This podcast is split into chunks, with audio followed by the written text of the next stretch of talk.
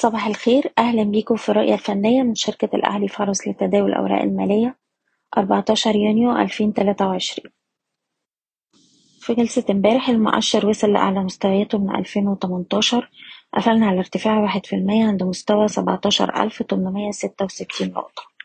الإغلاق امبارح جه أعلى مستوى المقاومة الرئيسي 17800 بشكل طفيف لكن أحجام التداول كانت مرتفعة بشكل ملحوظ.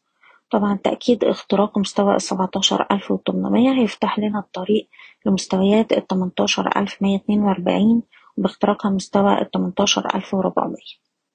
في الوقت الحالي طول ما إحنا محافظين على مستوى السبعتاشر ألف وتلتمية هتظل فرص استمرار محاولات الصعود قائمة. على الأجل القصير بننصح برفع مستويات حماية الأرباح لأقل مستويات اتسجلت الأسبوع اللي فات حسب كل سهم على حدة. وبالنسبة للأسهم نبدأ بأوراسكوم كونستراكشن السهم عنده دعم هام عند مية وسبعتاشر. وطول ما إحنا فوق المستوى ده شايفين السهم بيستهدف مستويات تمانية وعشرين جنيه ويلي مستوى خمسة وتلاتين جنيه.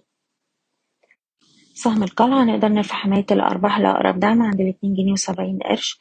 والسهم بيستهدف مستويات التلاتة جنيه والتلاتة جنيه وعشرين قرش. أقرب دعم لجلسة اليوم هيكون حوالين الاتنين جنيه خمسة وتمانين. جي بي أوتو بيواجه مستوى مقاومة عند الستة جنيه سبعة وعشرين. لو قدرنا نأكد إختراق المستوى ده بأحجام تداول عالية بنستهدف مستوى السبعة جنيه. وعندنا دلوقتي مستوى دعم هام عند الخمسة جنيه وتسعين قرش. سهم ابن سينا عندنا دعم دلوقتي عند الاتنين جنيه ونص.